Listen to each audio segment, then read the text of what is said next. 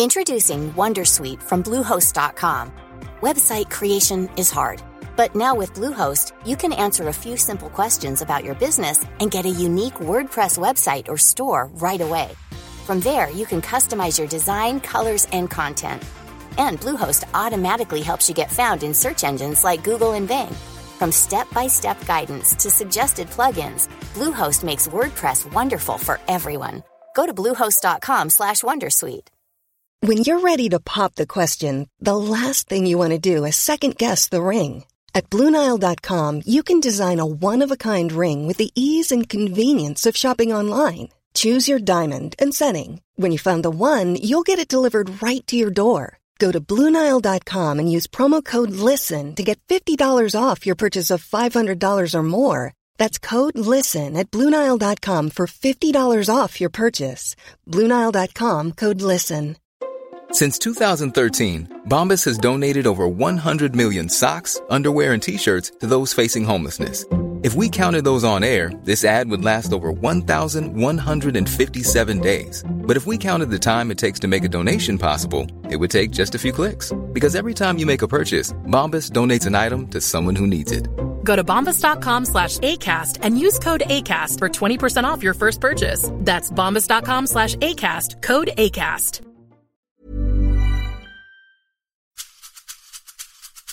Ja, det var faktiskt så här krast.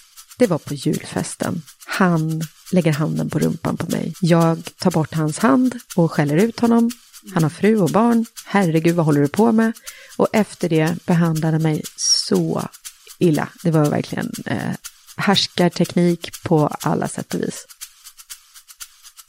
Hur gör man för att välja sin egen chef?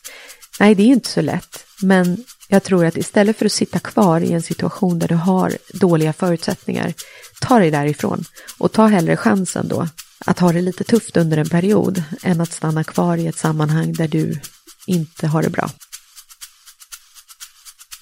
Eh, jag sa till senast i måndags när jag hörde att några av eh, männen pratade om att de brukade träna ihop. Och då sa jag, men gud vad kul, jag vill jättegärna hänga med. För det är så här, i, i de informella sammanhangen så sker det saker. Och där ska alla bjudas in och vara med.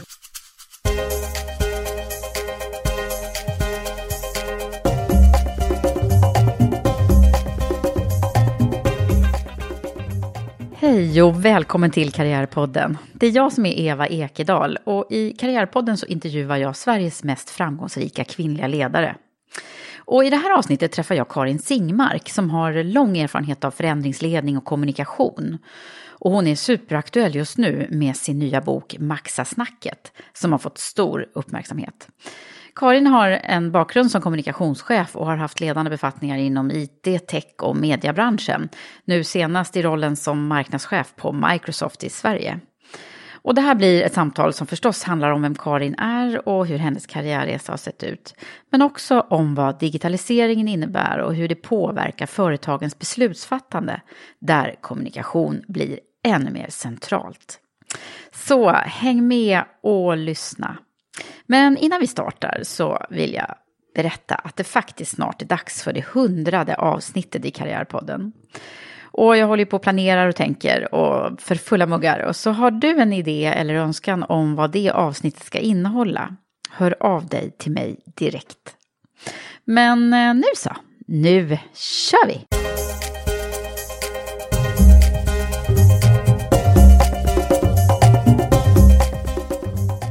Karin Singmark, välkommen till Karriärpodden. Tack så mycket. Gud vad härligt. Alltså, det, det känns som vi har suttit och snicksnackat lite innan här och det, det bara flyter på liksom. Ja, det, det, det, det är så ibland. Det Ja. bara klickar. Men det kanske alltid är med dig. Nej, det tror jag inte. I och för sig, jag kanske inte är en sån här svårpratad Nej, person. jag tror inte det. Nej, det är jag nog inte. Nej, inte jag heller i och för sig. Men du, alltså jag har ju läst om dig nu överallt. Det, det är verkligen, du är i ropet. Ja, Och jag, jag blev lite sådär, jag blev jätteglad när du kunde komma så här pass snart. För du, det är liksom, du är nog svårbokad nu tänkte jag.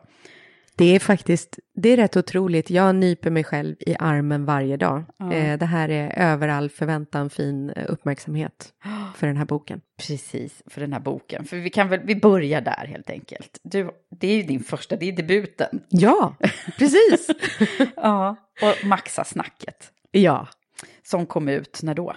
den kom ut nu bara för, eh, det är väl en månad sedan ungefär. Ja.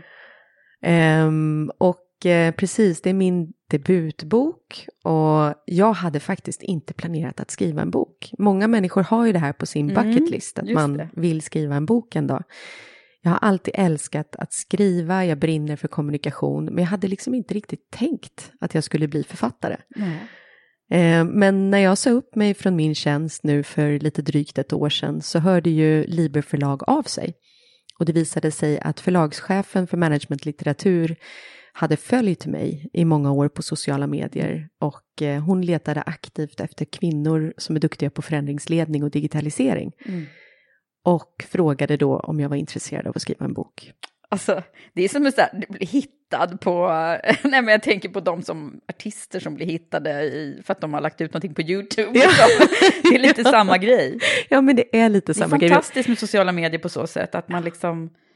Det går faktiskt. Alltså, är man en talang så går det att, att, att bli hittad. Även om Ja. man naturligtvis kanske måste räcka upp handen lite också, brukar jag ju säga, när man ska ha nytt jobb i alla fall. Jo men så men, är det ju. eh, Men i det här fallet så var det någon som alltså hade haft ögonen på dig. Ja, Mm. precis så. Ehm, och det är så smickrande så det finns inte eh, att få bli eh, hittad på det sättet. Och när jag väl fick frågan så ehm, blev jag lite ställd till en början. Men sen så, ju mer jag tänkte på det, desto mer insåg jag hur otroligt lyxigt det skulle kunna vara att få paketera allt det som jag har drivit och jobbat för varje dag i hela mitt yrkesliv. Att få Mm. paketera det och göra ett ordentligt budskap av det. Mm. Så det, Det är lite så här att summera och göra lite bokslut. Det måste ju passa perfekt, tänker jag, när man liksom har valt att, här, att sluta på ett jobb. Som verkligen. du hade varit ganska länge också inom det här Ja, området framför allt. ja nej men precis så. Ja, Ja. men verkligen, det var, det var, det borde, så här i efterhand så, så borde det här nog varit en del av min plan. Men eh, nu blev det ju väldigt bra ändå. Ja. Jag har inte läst boken, men jag ska tydligen få ett ex, säger du. Det ska du få. Och det ska bli jättespännande, men om du skulle bara sådär, vad, vad handlar det om? Managementlitteratur kan ju vara liksom ganska tunga grejer och så, men hur skulle du berätta om vad det handlar om? Ja, nej men den här boken handlar egentligen om att ehm, i och med digitalisering, globalisering ehm, och det här ökade tempot vi får. Vi får konkurrens från nytt håll och vi får en transparens som inte fanns tidigare. Så ställer det helt nya krav på företag och hur man fattar beslut. Um, och det som det handlar om är att kommunikation um, blir mycket viktigare nu än vad det var tidigare och det måste flyttas in i företagsledningen. Det måste flyttas in i vd och ledningsgruppens eh, på ledningsgruppens bord på ett sätt som det inte behövde göras tidigare. Så förr i tiden så kunde man fatta ett beslut och så kunde man delegera det till kommunikationsavdelningen och så kunde de trycka ut budskapet i de få kanaler som fanns tillgängliga då. Eh, Men nu för tiden så har vi ett fragmenterat medielandskap. Vi har människor som inte litar på vad vd och styrelseordförande och eh, ledande befattningar säger i fina, putsade, paketerade budskap. Utan vi vill ha äkta känslomässig kommunikation. Just det. Det ska vara äkta. Ja, det ska vara äkta, det ska beröra, det ska Mm. engagera mig för att jag ska välja att lyssna. Mm. Och då måste vi göra saker på ett helt nytt sätt. Precis, de måste liksom leva sitt budskap på ett annat sätt. Precis så, exakt så. Ja. Så det måste komma inifrån och det måste börja med kommunikation. Det får inte hängas på i Nej. efterhand. Så den här boken är en väldigt konkret och handfast eh, guide till hur du blir en kommunikativ organisation. Mm. Eh, och den där titeln, Ja. oj vad vi slet. Ja, Åh gud hur, vad vi hur, hur kom den liksom Ja, till alltså dig? jag, jag, jag slet med det, förlaget slet med det, eh, vi hade många olika idéer och jag pratade runt med flera vänner och bara att vi kan inte kalla den den kommunikativa organisationen. Det låter ju som så tråkigt. Nej, det låter, det låter lite dammigt. Ja, Så det var när vi satt på eh, gympauppvisningen en lördag eftermiddag, jag och min man eh, som sitter där och viskar. Eh, och Patrik frågar mig, men vad vill du att folk ska ta med sig? Vad vill du, vad är budskapet? Vad ska folk göra när de har läst den här? Mm. Och det är ju faktiskt att maxa snacket. För det handlar inte längre om att en avdelning paketerar i ett budskap. Det handlar om att väldigt många människor kommunicerar. Mm. Och kommunicerar i samma linje liksom? Eller? Ja, precis. För att kunna maxa snacket så måste man göra väldigt mycket innan man vrider på kvarn, kranarna internt och börjar utbilda medarbetare och ledare och bli kommunikativa. Ja. Så det handlar ju om att börja med att göra sin hemläxa som bolag och titta på vad är vår vision och vad är vårt syfte här? Har vi tydliggjort vårt varför så att alla vi som jobbar här förstår och brinner för det här, står Mm. bakom vårt varför? Ofta måste man kanske titta på eh, att jobba syftesdrivet Ehm, för att det finns inte en chans i världen att vi kan engagera människor om vi bara säljer ehm, en kopp eller ett glas eller en penna eller vad det är. Det är inte engagerande, då måste vi göra något utöver det. Mm. Eh, och det här får inte bli en kommunikativ sak som kommunikationsavdelningen gör, utan det måste vara någonting vi som företag gör som vi alla brinner för. Mm. Att bidra. Det är ju liksom att skapa den här, liksom, eh, att alla känner vad de bidrar med också Ja. i, till syftet eller why. Ja, men precis så. Exakt så. Ja, gud, det här kommer vi, jag tror vi kommer, kommer återkomma till, Säkert. till, till boken och det, det du. Men nu behöver vi förstå, hur kommer det sig att du, du har all den här kunskapen och har sammanfattat det i, i boken? Ja, eh, från första början. Jag är som person är jag en sån här som brinner för att lära mig nya saker. Det tycker jag är jättekul. Um, så att jag var väl rätt tidig i, mitt, i min eh, yrkesbana på att vilja förstå vad internet betyder för oss som företag. Vad betyder det i form av möjligheter för oss? Hur kan vi jobba på nya sätt tack vare internet? Just det, och vad var du då, då när, du, när internet kom? Alltså första, det är faktiskt mitt första jobb, eh, första uppdraget där blev att eh, lansera digital-tv på Ah, eh, svenska marknaden. Eh, oj, nu snackar vi 98, 99. Ja, just det. Då var det Kanal Digital, eller? Ja, Mm. precis. Och sen eh, när lanseringen där var gjord så var det ju liksom, ja, då har vi en hemsida som ser ut som en pdf på nätet, för de gjorde ju det då. Ja. Eh, och, då och då, eftersom jag tyckte att det där verkade så otroligt spännande, så fick jag projektleda den här nordiska lanseringen och göra en upphandling av webbyråer vid den tidpunkten, mitt, precis innan den här kraschen. Det var jätteroligt. Jättekul. Mm. Ehm, och sen eh, jobbade jag med affärsutveckling av nya ehm, tjänster för digital-tv. Det var på den tiden vi trodde vi skulle beställa pizza med fjärrkontrollen genom att koppla upp digitalboxen till hemmets modem. Just det, och- allting skulle ske via den här fjärrkontrollen. Digitalboxen och fjärrkontrollen, det var det som gällde. Ja, just det. Det var innan vi kom på en, lite andra grejer. Ja. Mm. Och sen, eh, så jag fick prova på många olika roliga saker och alla de saker jag gjorde handlade om att utnyttja eh, nya möjligheter med digitalisering. Mm. Och sen ehm, så eh, kom jag in på, jag jobbade under alla dessa år på marknadsavdelningen ehm, och PR och information var liksom inte någonting som man hade på bordet överhuvudtaget på den tiden. När jag pluggade, eh, jag pluggade marknadsföringsinriktning, då fanns ju inte PR som en, Nej, som en inriktning. som en inriktning. Nej. Så att ehm, jag, eh, vi insåg där att det här med PR och förtjänad uppmärksamhet, det är rätt kraftfullt ändå. Mm. Eh, och då så var det jag tillsammans med dåvarande vd som insåg att vi kanske ska göra något mer än att bara lägga ut en retainer på en PR-byrå som skrev lite pressreleaser. Mm. Så då eh, fick jag bli informationschef ehm, och hade ingen aning om vad, vad, vad det innebar egentligen. Så att under den där perioden så fick jag faktiskt en mentor som heter John Göransson som hade en bakgrund som journalist på Aftonbladet. Mm. Och han var fantastisk för jag behövde förstå hur journalister tänker. Ah, ja. Ehm, och han hade stenkoll. Så att han var en väldigt bra... eh, Och det var på Kanal Digital? det var på? Kanal Digital Mm. Digital. Eh, och då under den tiden så kom jag in i ledningsgruppen. Um, så, Hur gammal var du då, då? Ja, det här var väl kanske under mitt tredje år i yrkeslivet. Jag kanske var någonstans runt 28, Mm. något sånt. Mm. Så en tidig ledningskarriär. Ja, det var en tidig ledningskarriär. Mm. Um, Var det något som du trodde att du hade liksom, hade du önskat det här? Och längtat efter? ja, jag är en person som, jag vill påverka Mm. resultat. Eh, och jag vill, ehm, jag har nog aldrig uttalat det så tydligt, jag vill in i ledningsgruppen. Men jag såg att om jag ska ta, ta mig an rollen som informationschef, då behöver jag sitta i ledningsgruppen. Jag behöver ha all information och jag behöver framförallt kunna påverka de beslut vi fattar. Mm. Eh, så det, Och det fick du möjlighet att göra då? det fick jag Mm. möjlighet att göra.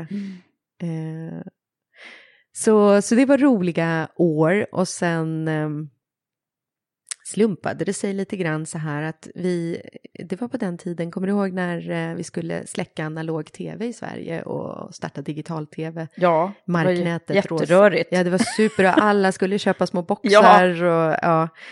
Och då var det ju faktiskt så här att eh, Terracom, eh, som är statligt ägt bolag, de ansvarade för hela den här släckningsprocessen och informationsgivning. Mm. Eh, och då var budskapet så här att eh, alla svenskar som ska fortsätta titta på tv behöver skaffa en digitalbox. Vill du ha fler kanaler än bara ettan, tvåan och fyran, då kan du få det via Boxer Mm. som är eh, statens egna marksända digital-tv-lösning som då konkurrerar direkt med de kommersiella aktörerna.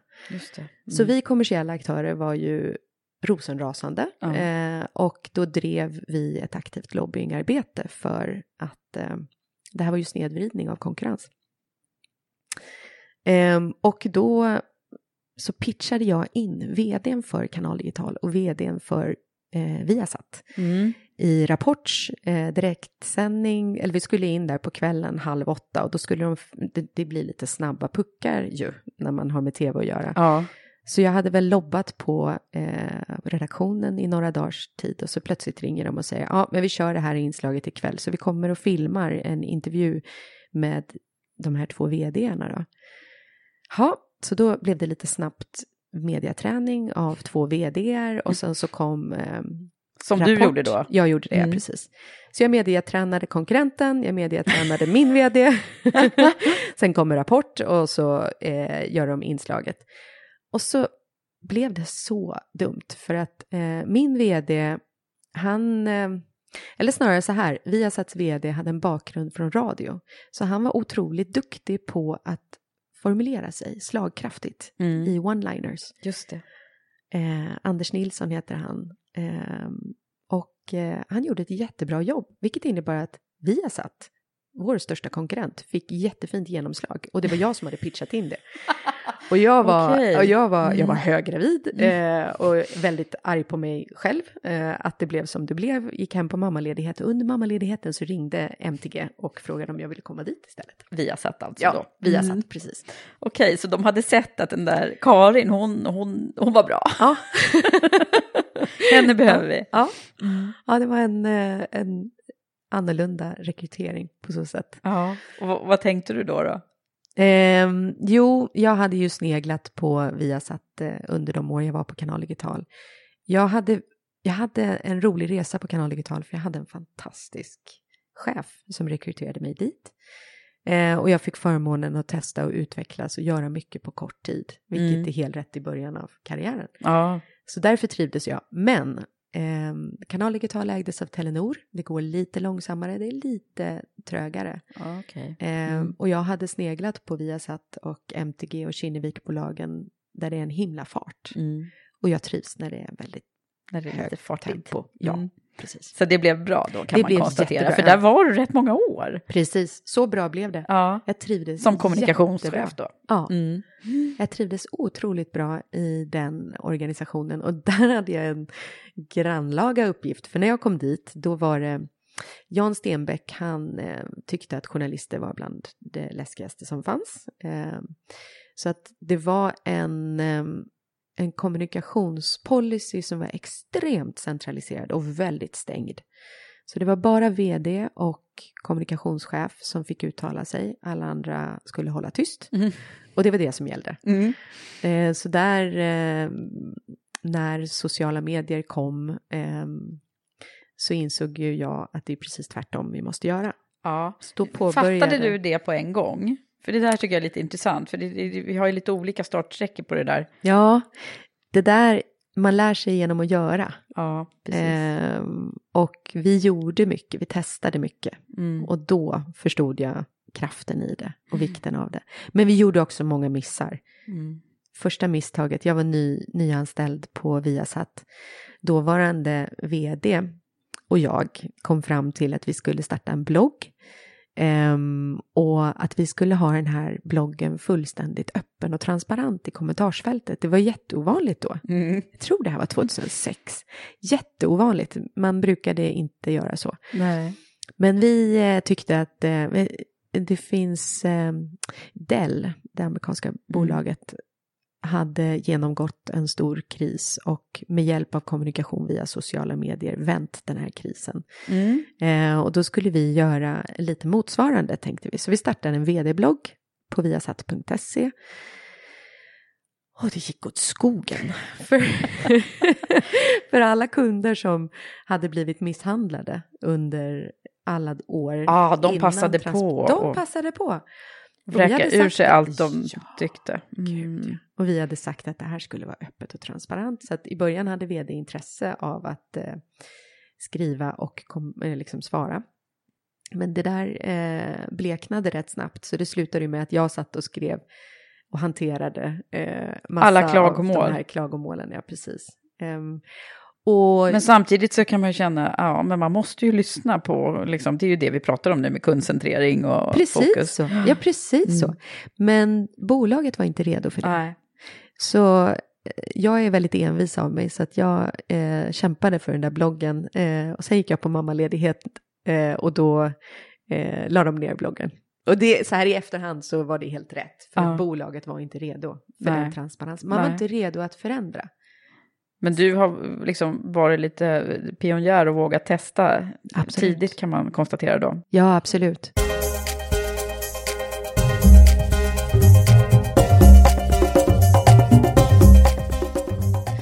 Ha, vad hände sen då? Du var ju där ett antal år, men vi Ja. följer lite kort här i din karriär. Ja, men ja, precis. Och sen kom jag tillbaka efter mammaledigheten och då var det faktiskt en em, ny ledning. Det är typiskt eh, MTG och Kinnevikbolag. Det går rätt fort i vd-byten. Så jag betade av tre vd under de år jag var där.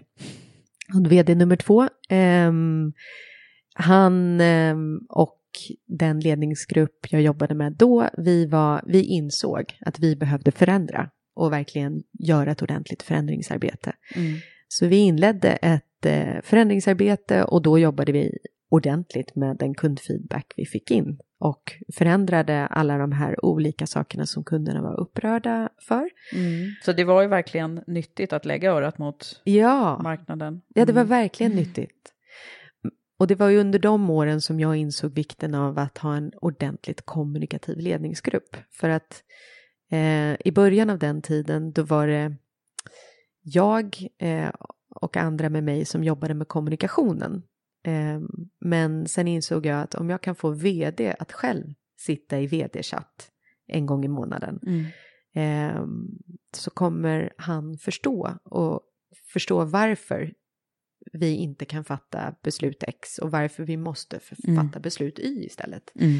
Ehm, Men vad skulle du säga Karin, är det, är det idag, har- har, hur går det för organisationerna med det här? Är det många som lever kvar i det här? Att kommunikationsavdelningen är någon som ska, det är fortfarande så? ja, Ja, ja. många som har det så Det är, många, det är väldigt många vdar som har stort förtroende för sin kommunikationsavdelning och det är ju bra. Mm.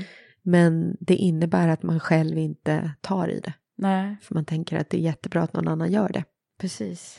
Och det är ju olika eh, starka kommunikationschefer där ute i form av att för det kan ju funka under en period om man är en stark kommunikationschef som kan lyfta in verkligheten på ledningsgruppsbordet eh, och verkligen visualisera hur, vad som händer där ute eh, och varför vi måste fatta vilka beslut. Ja.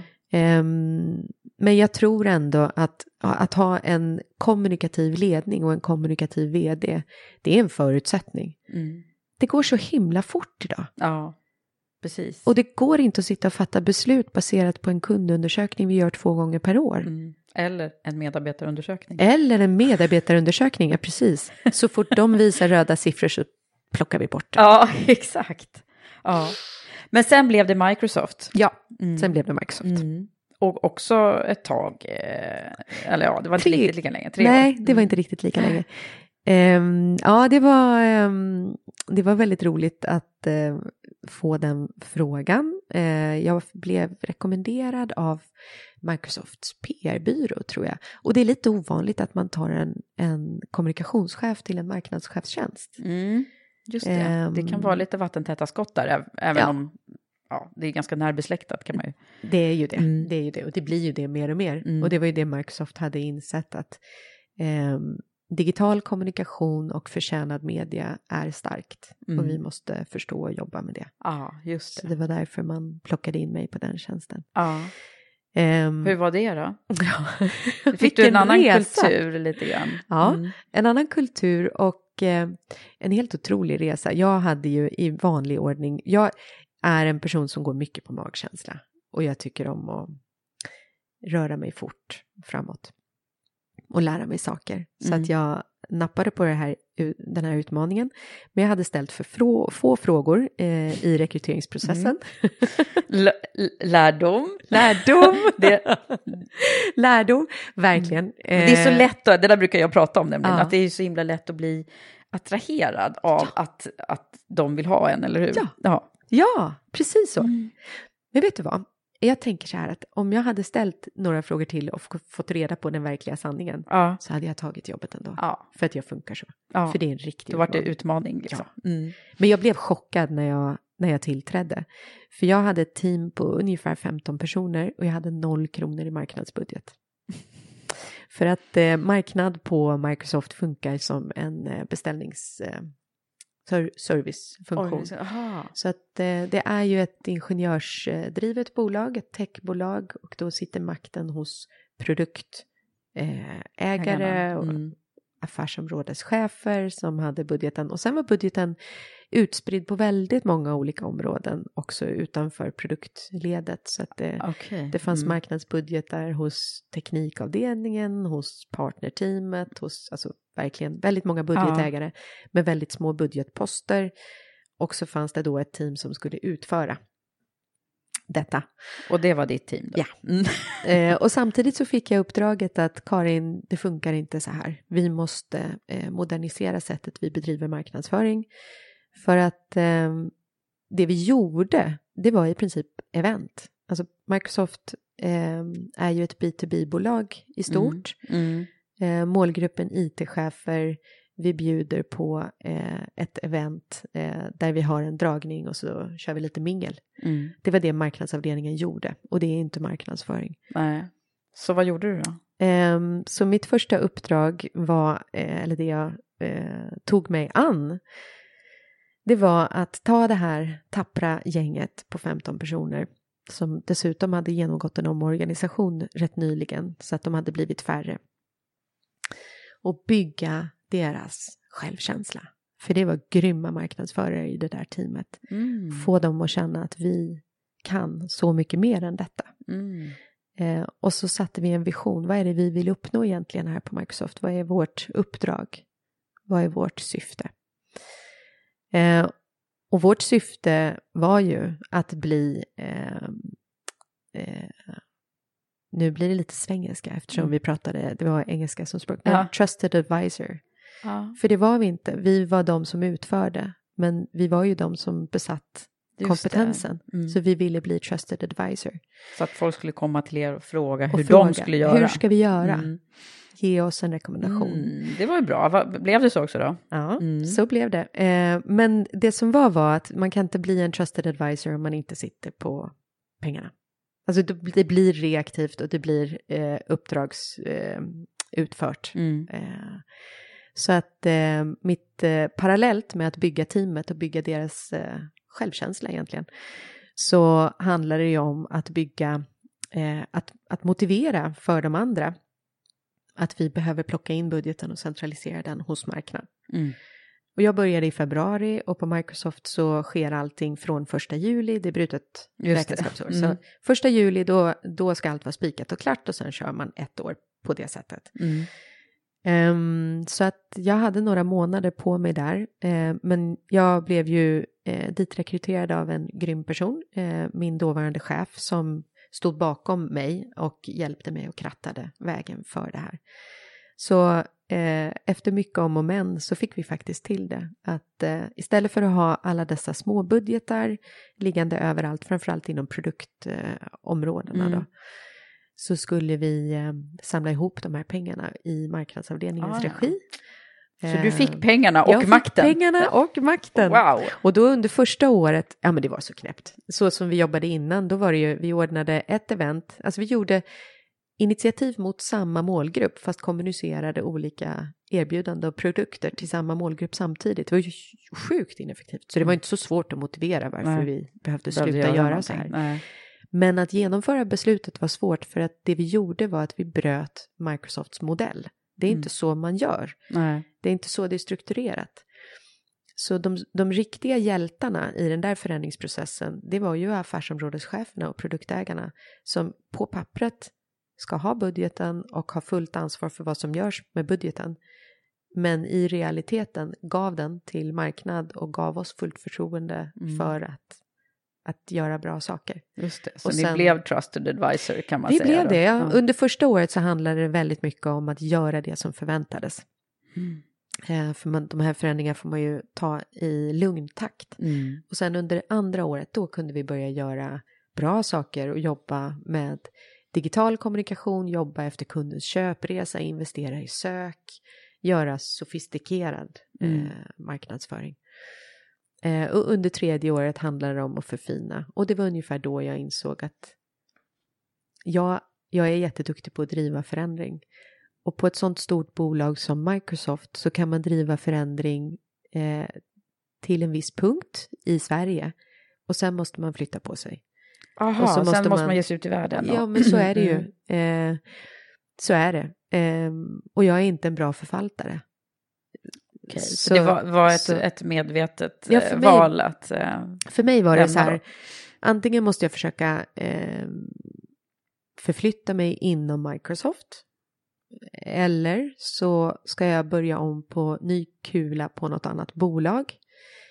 Eller så ska jag bara köra eget Mm. och testa och stå på helt egna ben. mm. Och, så det klurade jag på. ehm, Och hur länge tänkte du? Den här processen är ju alltid spännande för alla att höra också. För att, mm, men vi hamnar ju där någon gång i livet. Ja. Oftast. Att man, ja, är det det här jag ska göra? Och vad är meningen med livet? Eller, med Ja. yrkeslivet i alla fall. ja, Mm. precis så. Eh, och det, den tanken kom ju där under Q4. Du vet när man sitter och liksom summerar året och så lägger man planen för nästa år. Mm. Eh, Och så tänker man, ska man det- börja om igen? Ja, Mm. precis så. För när, när vi liksom spikade allting i juni och så gick vi på semester, då insåg jag att nej men vet du vad, jag tror inte att jag är sugen på att göra om det här igen. Nej. Och börjar man så ska man ju slutföra. Ehm, och jag kände att nej, nu är det nog faktiskt dags att flytta på mig. Och själva beslutet att starta eget, det kom eh, väldigt, eh, det gick fort. Eh, det var faktiskt, eh, vi satt i, vi surfar, jag och min man och barnen. Va? Surfar, alltså surfar på en sån riktig bräda? Ja, ja, vi, har, vi har vindsurfat i många år eh, och nu på senare år så har vi hittat till vågsurf och tycker det är precis hur kul som helst. Så vi surfar eh, och Eh, den här sommaren, då förra sommaren, så satt vi i en husbil som vi hade hyrt och så hade vi 15 timmars resa till Norge. Och då eh, så sitter vi där i framsätet och pratar och under de här 15 timmarna så eh, min man är världens bästa partner och Mm. han ställer mycket kloka frågor och det är ju när, man, när någon ställer frågorna och man börjar formulera svaren högt, de där svaren som egentligen finns i huvudet Mm. men som bara måste formuleras. Precis, det är det som, vi pratade lite om coaching och terapeut Ja! innan här vi startade mickarna. Det är precis det som är coaching. Ja, Du har en coachande man helt jag har en enkelt. coachande man. Vad härligt. Ja, det, Ja. det är helt magiskt Ja. faktiskt. Eh, och det här är ett familjebeslut blir det ju. Mm. När en part väljer att eh, hoppa från säkerheten och tryggheten i en anställning Mm. så påverkar det alla. Verkligen. Vad gör han då? Han jobbar i finans eh, sedan många år tillbaka. Nu är han på Swedbank. Ehm, så på så sätt så har vi ju en trygghet i att han har en eh, fast och Mm. trygg anställning. Mm. Men det läskiga var egentligen inte det utan det läskiga var identitetsgrejen faktiskt. Ja. Att, eh, att hoppa. För att det är faktiskt otroligt hur mycket vi identifierar oss själva med vår titel. Mm. As a person with a very deep voice, I'm hired all the time for advertising campaigns. But a deep voice doesn't sell B2B, and advertising on the wrong platform doesn't sell B2B either. That's why, if you're a B2B marketer, you should use LinkedIn ads. LinkedIn has the targeting capabilities to help you reach the world's largest professional audience. That's right, over 70 million decision makers all in one place. All the big wigs, then medium wigs, also small wigs who are on the path to becoming big wigs. Okay, that's enough about wigs. LinkedIn ads allows you to focus on getting your B2B message to the right people. So, does that mean you should use ads on LinkedIn instead of hiring me, the man with the deepest voice in the world? Yes. Yes, it does. Get started today and see why LinkedIn is the place to be to be. We'll even give you a $100 credit on your next campaign. Go to linkedin.com slash results to claim your credit. That's linkedin.com slash results. Terms and conditions apply. When you're ready to pop the question, the last thing you want to do is second guess the ring. At Bluenile.com, you can design a one of a kind ring with the ease and convenience of shopping online. Choose your diamond and setting. When you find the one, you'll get it delivered right to your door. Go to Bluenile.com and use promo code LISTEN to get $50 off your purchase of $500 or more. That's code LISTEN at Bluenile.com for $50 off your purchase. Bluenile.com code LISTEN. Introducing Wondersuite from Bluehost.com. Website creation is hard, but now with Bluehost, you can answer a few simple questions about your business and get a unique WordPress website or store right away. From there, you can customize your design, colors, and content. And Bluehost automatically helps you get found in search engines like Google and Bing. From step-by-step guidance to suggested plugins, Bluehost makes WordPress wonderful for everyone. Go to bluehost.com slash wondersuite.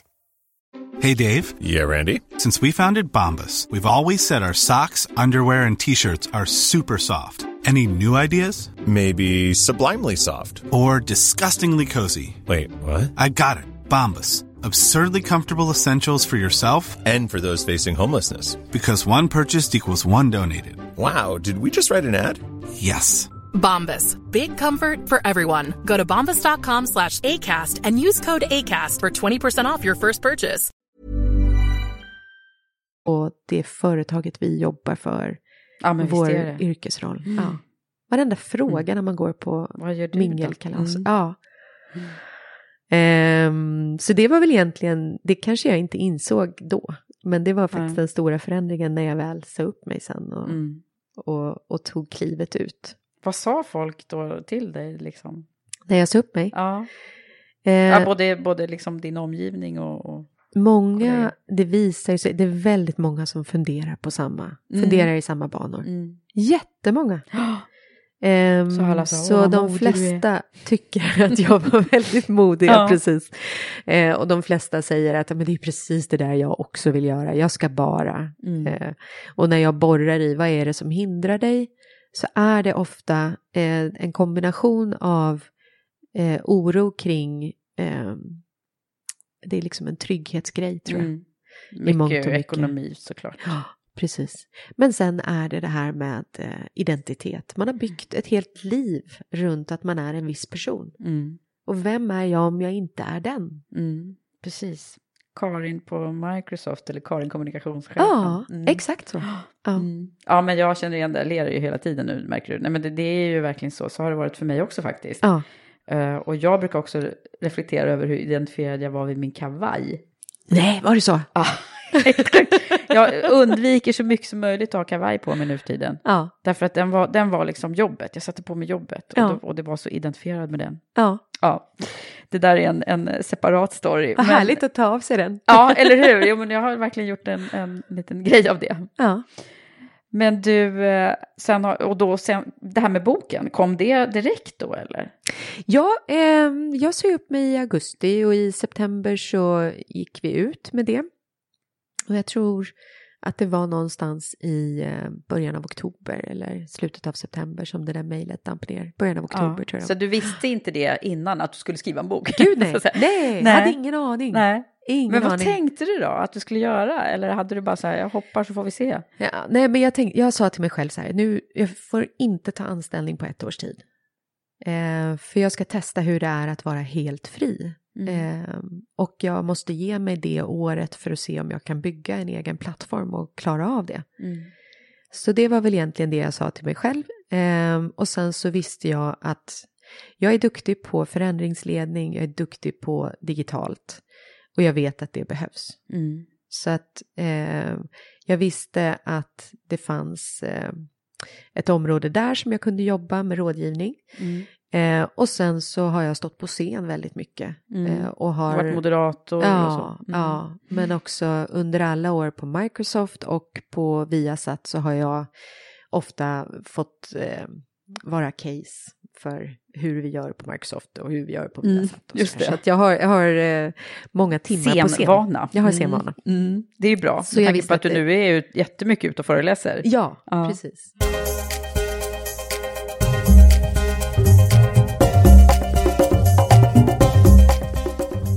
Men du Karin, nu, du vet ju att jag är så intresserad av hur vi blir de vi är också. Och att mycket faktiskt bottnar sig i vem vi var från allra första början. Ja. Vad, vad, hur, vem, vem var lilla Karin? Jag är uppvuxen på ett lite annorlunda sätt, tror jag, för att ehm, vi har flyttat runt väldigt mycket när jag var liten. Så att, eh, eller under hela min uppväxt. Eh, jag är född i Stockholm, sen flyttade vi till Ljungby i Småland, sen flyttade vi till Amsterdam, sen flyttade vi till Mhm. Vimmerby, sen flyttade vi till Frankfurt och sen började jag plugga i Lund. Så jag har haft en, en riktigt rolig så här, storstad, liten stad, storstad, Ja, ja, liten stad. ja, verkligen. kontraster. Ja, hur Mm. kommer det här sig då? Är det någon av föräldrarna som... Ja, ja, det här är min eh, pappa som jobbade inom ett amerikanskt bolag som tillverkar avgassystem och katalysatorer. Mm. Så att eh, vi har snurrat runt på lite Europakontor och lite Sverigekontor och lite Tysklandskontor och eh, sen så blev han eh, trött på det här bolaget under året i Amsterdam så den här lilla sessionen i Vimmerby det var ett avhopp från det amerikanska. Back to the roots, eller vadå? Ja, Ja. ja. Jaha, okej. Hur har det här eh, påverkat dig då, tror du? Men jag är eh, en person som har lätt att ta nya miljöer. Eh, jag har lätt att känna in stämningar, jag har lätt att ta kontakt med människor. Mm. Ehm, Utvecklar en, en, en liksom relationsorienterad sätt. Ja, Mm. jag har ju varit så många gånger varit ny. Mm. Eh, Hon den nya i klassen. Ja, exakt. När vi bodde utomlands var det ingen grej för att eh, då gick vi på internationella skolor och då är alla kids nya hela Mm. tiden. Mm. Men det var ju jättekul att komma till Vimmerby och vara så här, gud det är första, första nya barnet i hela skolan på Ja, ja. jättelänge. vad, vad hände då? Fick du jättemycket, för det kommer jag ihåg när det kom någon ny till klassen. Eh, Alla blev ju jätte, liksom, nyfikna på den här och, och, Ja, och så. Ja, Och det var så det var. ja, Ja. ja, precis. Och hamna i ja. centrum. Ja, så blev det ju lite grann. Ehm, framförallt då, eh, Vimmerby var ju så. Eh, verkligen. Alla var som flugor på dig där. Ja. Ja, och där kommer jag ihåg att det var så roligt för att jag hade ju perfekt engelska eftersom jag hade gått på engelsktalande skola. Mm. Och då kommer jag gratis ihåg där. att jag, ja, men jag kommer ihåg att jag rättade läraren, för det heter faktiskt inte comfortable, det heter comfortable. Och sen fick jag sitta i korridoren och rita på engelska lektioner. Jo. Så här, galet, Vadå, vad- så- galet minne. vadå, läraren tyckte att det var obekvämt med någon som Ja. kunde mer? Ja, visst är det hemskt? På Åh. tal om ledarskap, Åh, galet. vad galet. Riktigt Istället för att liksom, klassiskt. vad istället för härligt, att här har vi någon uppmuntra. som kan. Ja, ja, eller åtminstone ge mig andra uppgifter så Ja. att jag kunde kanske utvecklas inom andra ämnen. Det var, eh, det var spännande. Men eh, Vimmerby var en väldigt trygg, det är ju faktiskt inte jättebra att vara liten i Amsterdam. Vi bodde väldigt centralt i Amsterdam också. Ja. Eh, skolan var fantastisk eh, och det är en härlig stad. Men när man är liten så är det ju faktiskt bättre att bo på ett mindre ställe. Mm. Som Ljungby eller Vimmerby. Ja. Man kan cykla omkring på gatorna och Ja. ta sig själv och utveckla sin egen självkänsla blir ju faktiskt när Mm. man kan röra sig. ja. Har du syskon? Ja, jag har Mm. en stora syster. Mm. Så jag är lilla syster. Jag är eh, den som... ehm, Eh, alltså, i, I vanliga fall ska det ju vara så här att stora systern ska vara den som tar alla fighter och Mm. lilla syster ska få glida med. Jag har glidit med jättemycket, eh, men min syster var inte en sån där rebell i tonåren, utan hon var otroligt eh, good girl. Mhm. Så hon, eh, under, just, under just precis gymnasietiden, så pluggade hon jättemycket och fick eh, bästa betyget någonsin i den här skolan i Frankfurt som vi gick på då. Så att då var det jag som fick ta lite mer av de där rebelliska. Okej, eh, gjorde du lite revolt där då eller? Ja, fast grejen är att jag är så himla snäll eh, Mm. och kommunikativ. Så att eh, jag kommunicerade ju med eh, mamma och pappa eh, när jag tyckte att vi skulle förändra saker i familjen. Istället för att, jag skrek och slängde i dörrar lite grann också, absolut. Men eh, jag skrev framförallt långa eh, noveller till mina föräldrar om varför Mhm. jag tyckte att jag behandlades orättvist och varför jag tyckte att vi skulle ha ta- saker och ting på andra sätt. Nej, Och så sant? lämnade jag det på deras, eh, utanför deras sovrumsdörr. Så när de vaknade på morgonen hade så de fick de läsa mina innersta känslor och fick fruktansvärt dåligt samvete. Och så pratade vi om det här vid frukostbordet. Ah, så är, det här, är det här någonting som du liksom även har sysslat med längre fram i livet? Ja, Så alltså grejen är det här- mannen när han inte... Nej, nej. det hade varit hemskt om vi hade kommunicerat så. Nej, Ja, men en del ja. tycker ju att det liksom är lättare skönare. att uttrycka sig i skrift. Ja, jo men det, det eh, kan nog i och för sig stämma att jag gör. Mm. Jag tycker om att uttrycka mig i skrift. Jag tycker Mm. om att kunna tänka till och formulera, Mm. Formulera om och sli, slipa liksom. Ja, Det är väl därför jag har tyckt väldigt mycket om att skriva den här boken. exakt. Det, det, det går en liten röd ihop. tråd här nu märker man i Absolut. vårt samtal. Men du, Jo, men jag det tänker på... kommunikation, det, Ja. det har legat i hjärtat från början. Ja, när visste du att du skulle hålla på med det här?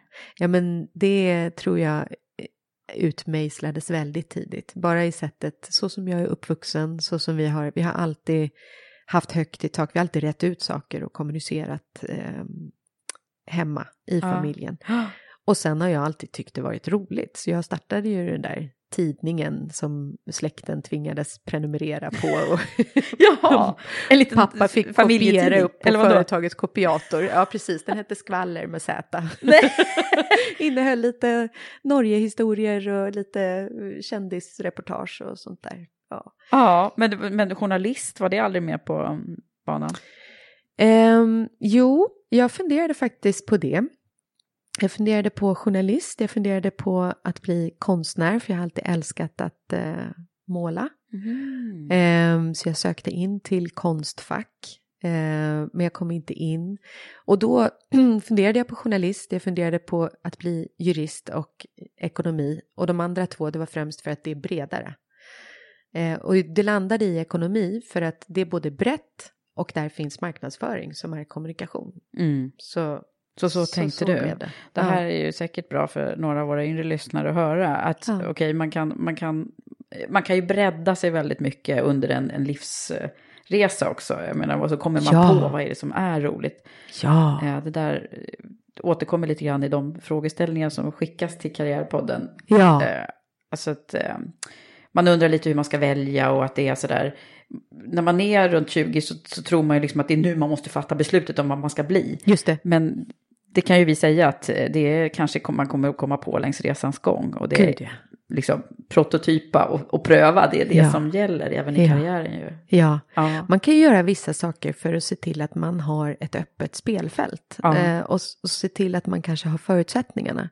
Så jag, om man tänker utbildningsmässigt så är det ju en klok idé att skaffa en utbildning och göra, se till att den är så bred som möjligt. Ja. Så att man har valmöjlighet inom det ja, men eller hur. fältet. Men sen är ju, livet är en himla, ett, ett, det är ju tillfälligheter i Mm. många fall. Ja.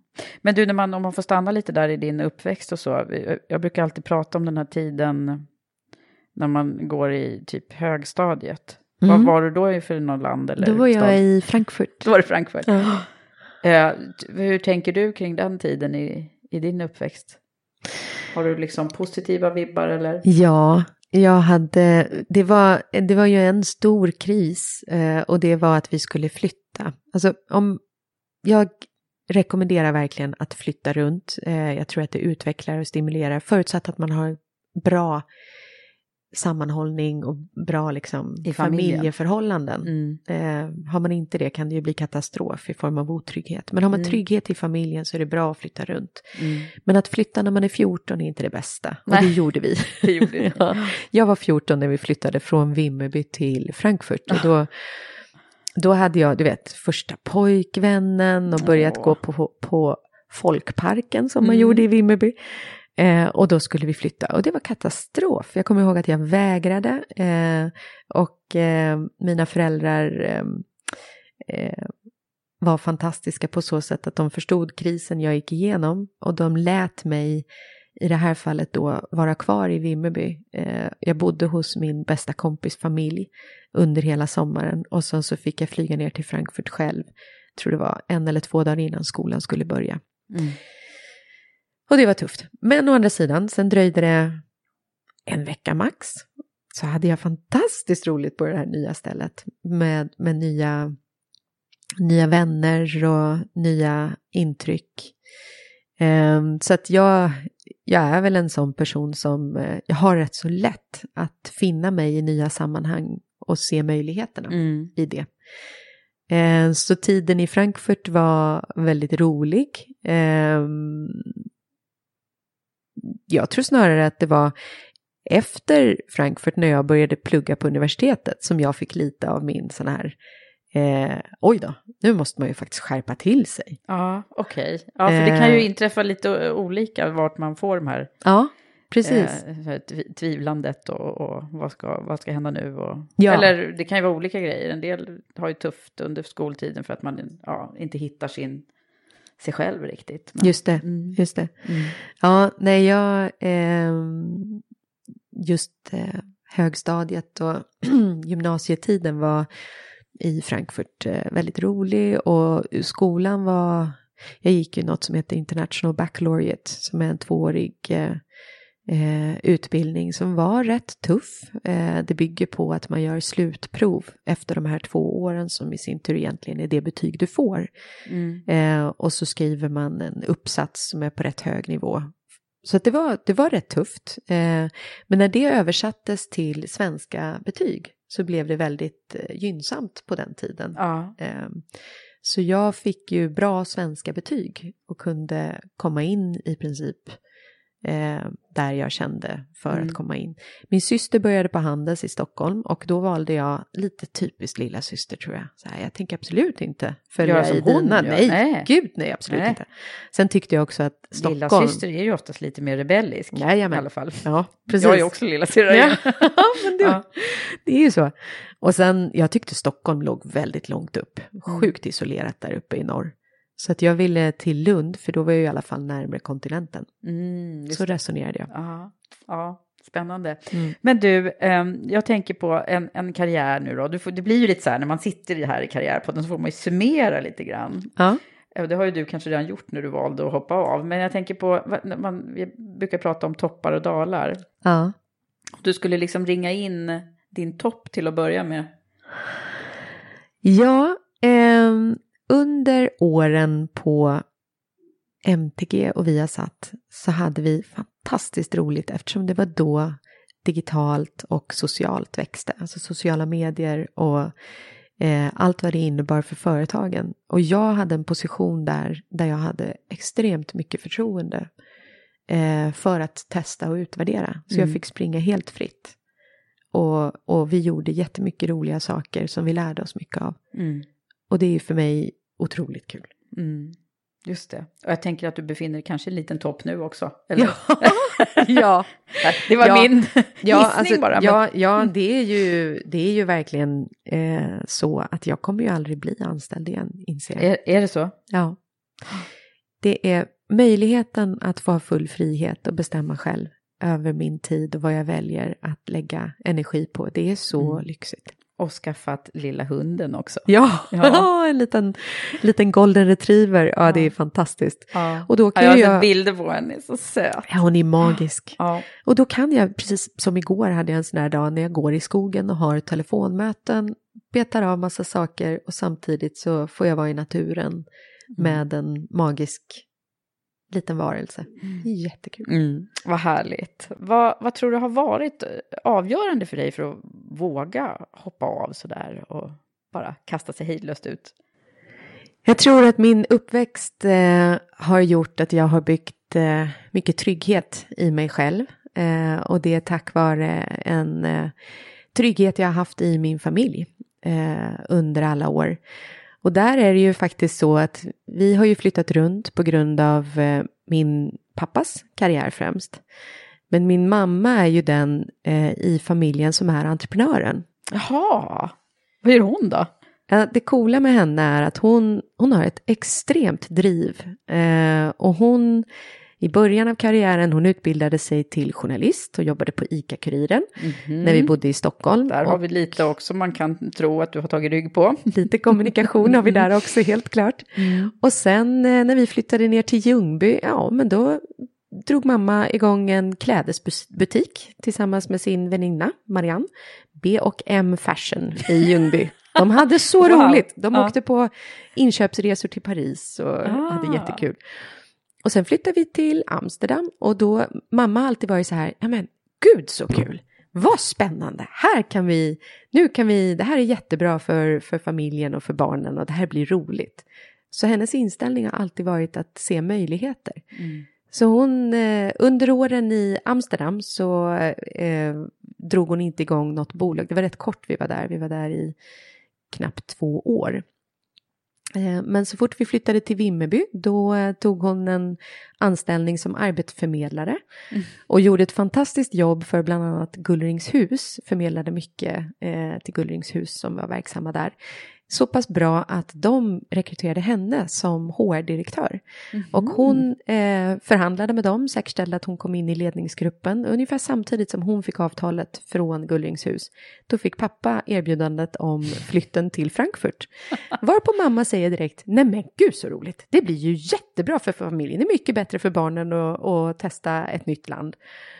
Eh, och jag kommer hitta på roliga saker. Och det gjorde hon ju. Så i Frankfurt så blev hon keramiker. Eh, men gud vad häftigt. Ja, men det låter ju som du har mycket att brås på där. Ja. Men du, vad gör din syrra då?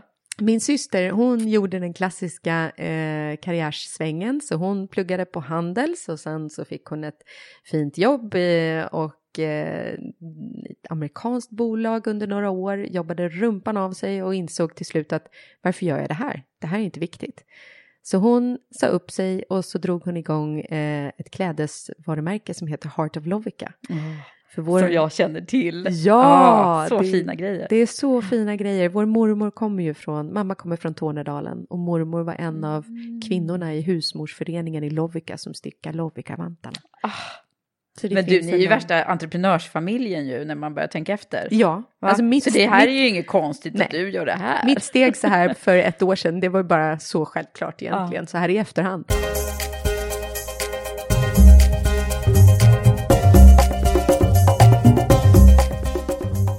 Ja, men om vi skulle titta på de där svåra stunderna som oftast är de som vi också har, ja, som på något sätt eh, formar oss också. Ja. Både beslut och andra saker. Ja. Vad, har du där som... Jag hade, en tuff, jag hade en tuff period eh, i början av min karriär. Eh, på så sätt att först, att det, man kommer alltid tillbaka till vem ens chef är. Mm. Eh, min första chef var fantastisk. Eh, hon gav mig, Hon. Yes. Hon. Mm. hon såg eh, mig som individ eh, och gav mig alla förutsättningar för att växa. Mm. Precis baserat på vad jag behövde. Eh, så hon var otroligt duktig på det och, och byggde ju mitt självförtroende i yrkeslivet på ett fantastiskt sätt. Så det finns ju en anledning till att jag faktiskt kom in i den där ledningsgruppen så pass tidigt. Mm. Det var någon som såg dig där ja, tidigt. Ja, jag alltså hade det, blivit... det här är verkligen en, en återkommande grej också. Ja. Verkligen. Ja. Den här första chefen som ser en. Vad, ja. vilket, och vad viktigt det är för oss som också har varit chefer. Ja. Eh, att identifiera det. Ja, mm. precis så. Det är ju verkligen den Mm. som, som ger dig din stämpel. Du eh, är som bra, dig, vill jag, dig tror jag på. Liksom, Ja. Den grejen. Ja. Eh, och sen eh, lämnade hon bolaget och då hade jag faktiskt en liten dipp på så sätt att jag hamnade i ett sammanhang eh, med ett eh, inte lika starkt ledarskap och eh, när ledarskapet inte är närvarande av olika anledningar så blir det ju fritt spelrum för informella chefer att träda Mm. fram. Mm. Eh, så där hade jag faktiskt en riktigt tuff period när jag eh, råkade ut för en person som, ja det var faktiskt så här krast. Det var på julfesten. Mm. Han lägger handen på rumpan på mig. Mm. Jag tar bort hans hand och skäller ut honom. Mm. Han har fru och barn. Mm. Herregud, vad håller du på med? Och efter det behandlade han mig så illa. Det var verkligen eh, härskarteknik på alla sätt och vis. Åh. I ledningsgruppssammanhanget och jag var ny och osäker och Mm. jag kommer ihåg att det var en pina, varenda ledningsgruppsmöte var en pina för jag visste att han skulle börja prata när jag höll min punkt eller han skulle medvetet hoppa över min punkt på Mm. agendan. Eller, Ja, du vet liksom alla, alla, alla de här sakerna. Ja, precis. Så det där höll på ett tag och så gick jag till HR, kommer jag ihåg, eh, för att få hjälp. Mm. Eh, och då gav HR mig en, eh, en utbildning för att stärka mig. Eh, och i efterhand så är jag bara helt chockad, för det var ju inte mig det var fel på. Nej, Det var ju inte jag som skulle ha någon utbildning. nej, snarare. Eh, ja. Så det slutade ju med, hela den där fadäsen slutade ju med att jag själv eh, tog tag i saken och jag kommer ihåg det så glasklart. Hur jag gick in på hans rum och stängde dörren och sa att hörru du, nu måste vi prata. Och så hade jag till och med skrivit ner allting på en lapp och jag darrade på. Och jag var helt, jag var så nervös. Mm. Eh, och jag berättade för honom att sen den där julfesten och sen du gjorde det så har du betett dig så här. Och du har gjort det här och du har gjort det här och du har gjort det här. Och verkligen eh, konfronterade honom. Mm. Och han blev helt chockad och jag tror att människor som beter sig så här gör det ju inte medvetet. Det är ju någonting som bara händer. De agerar ju, Ja, ja, precis. Han, han hävdade att han inte hade koll på att det hade hänt eller att... ja han, Mm. han spelade ju fullständigt. Han la sig platt bad om ursäkt och Ah, blev väldigt Mm. berörd. Okej. Men, men sa att det var fullständigt omedvetet och att det var hemskt att, Mm. att det hade blivit som det hade blivit. Men åh, vad bra att du gjorde det. Ja, för det var det, det är ju en sån här väldigt eh, definierande punkt i, min, i mitt yrkesliv för att jag ju inser ju vikten av att ta de där konflikterna. Mm. Eh, och, och det är någonting, man kan vara konflikträdd, jag tror inte att jag är det, men man måste träna sig på att göra det. Mm. Så från det tillfället så har jag nog ehm, successivt tränat mig på att ta det där Ja. Tuffa samtalen. För det måste vi göra, vi får Ja, aldrig och, tillåta. och, och liksom lärt dig att det faktiskt var, att det kom ut någonting bra utav det. Du är Ja. stärkt eh, som, som människa också efter det ja, där. ja, men verkligen Även om det liksom är både nervöst och jobbigt innan och eh, under kanske. Men Ja, ja men precis så. Ja, mod, verkligen. Så bra. ja, Åh, man blir ju bara så upprörd när man hör det här. ja, verkligen. Eh, Ja, mm. Vi, vi hade ju ett avsnitt för inte så länge sedan som heter Kärlek på jobbet och då var det ju, det var ju både liksom kärlek i, i den bästa formerna men Ja. också eh, pratade vi en del om det där att det liksom finns en, en gråzon som är ganska jobbig. ja, det är ju det. Mm. Verkligen så. På MTG var kärlek på jobbet inte tillåtet. Nej, nej. Eh, å andra sidan så eh, skedde det ändå, fast, fast i smyg. Ja. Det som var roligt då var att dealen som Stenbeck hade eh, spikat ner, det var ju att uppstår det romans på jobbet, då får den högst i rang gå. Aha, men det var ju ändå bra. Det är jättebra. Ja, Jättebra. att det Sen- den, annars är det klassiskt att den, den lägre rangen får gå. Ja, ja. Ja. Sen hände det ju det ändå. Ja. Att, eh, ja, men det var ju ändå ett bra, tycker jag, ett bra statement. Ja, verkligen. Ja, så där är en av dina stora lärdomar kanske då. då men, Ja. eh, Ja, att det är värt att... Eh, Ja. Alltså man får ju aldrig någonsin tillåta sig själv att bli illa behandlad. Eh, och när det sker, att ta tag i det, förbereda sig för det, men ta det där svåra samtalet. Mm, mm. För det ger jättemycket. Mm. Hur ser du det där på att vara, liksom, eh, jag förmodar att du har jobbat i en del mansdominerade grupper, ledningsgrupper och så. Ja. Hur har det varit generellt sett för dig? Ehm, jag har väl egentligen...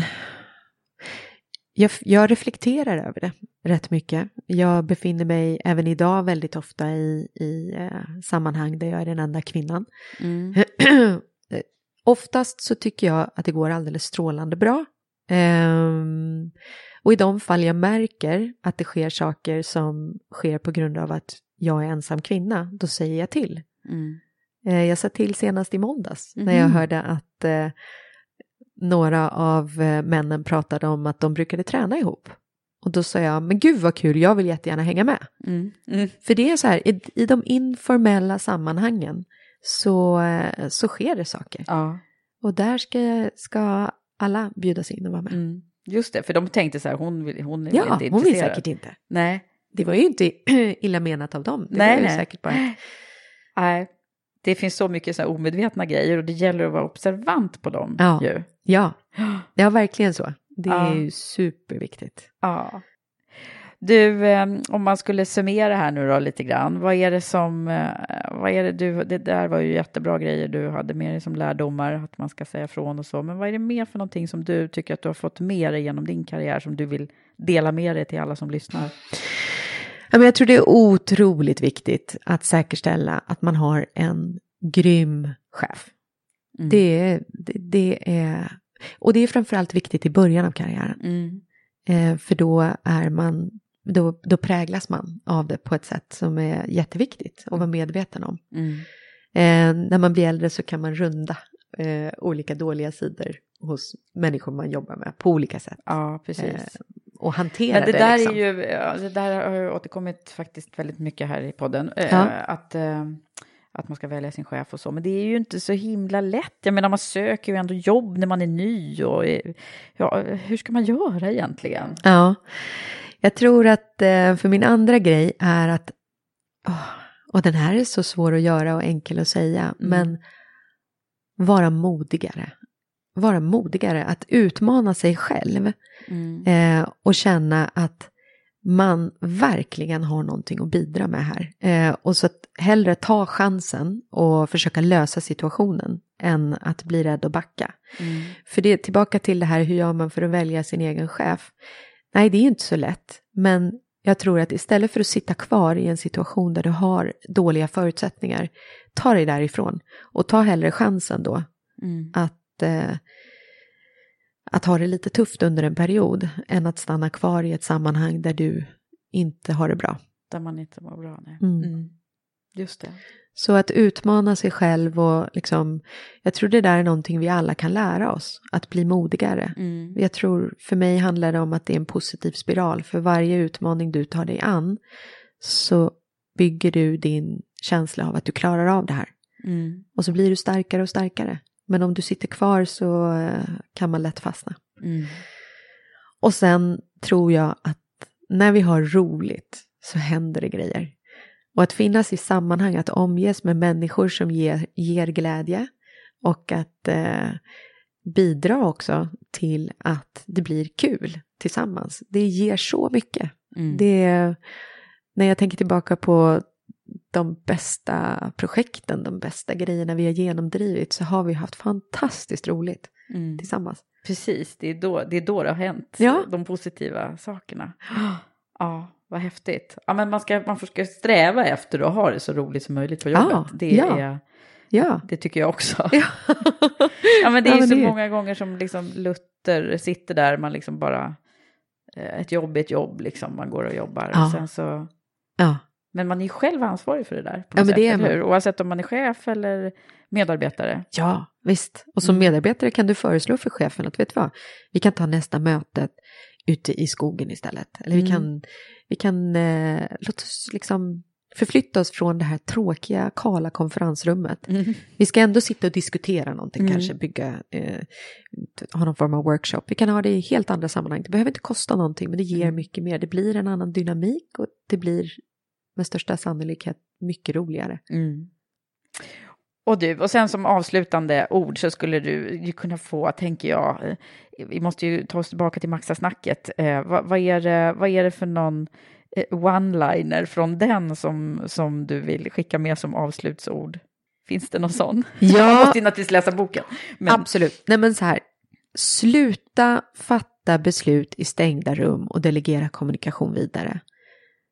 Börja lyfta in kommunikation i beslutsfattande forum och jobba med små, små förändringar genom dialog med omvärld, kunder och medarbetare. Mm. Och använd de digitala medierna. Ja. Mm. Härligt Karin. Jag ska läsa boken. Ja! ja! Tack för att du har varit med här idag. Tack snälla.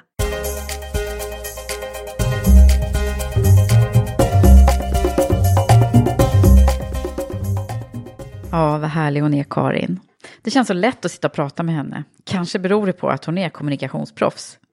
Och det som också hänger kvar hos mig, det är ju det här med vad viktigt det är att man tidigt får chansen och, och får möjlighet att vara, bli ledare och vad den första chefen betyder mycket. Eller att någon verkligen tror på en. Det har vi hört förut i Karriärpodden och återigen blev det bekräftat. Så tack Karin och stort lycka till. Och tack också till dig som har lyssnat. Och jag kan berätta att vi kommer att se till att det blir en eh, möjlighet att eh, vinna Karins bok Maxa snacket. Så håll utkik efter det i våra sociala kanaler. Och vi blir så glada att ni fortsätter att interagera med oss i alla sociala medier och hjälp oss att sprida Karriärpodden och Women for Leaders budskap, nämligen vi måste få fram fler kvinnliga ledare till toppositionerna. Ha det nu så bra, vi hörs snart igen. Hej så länge!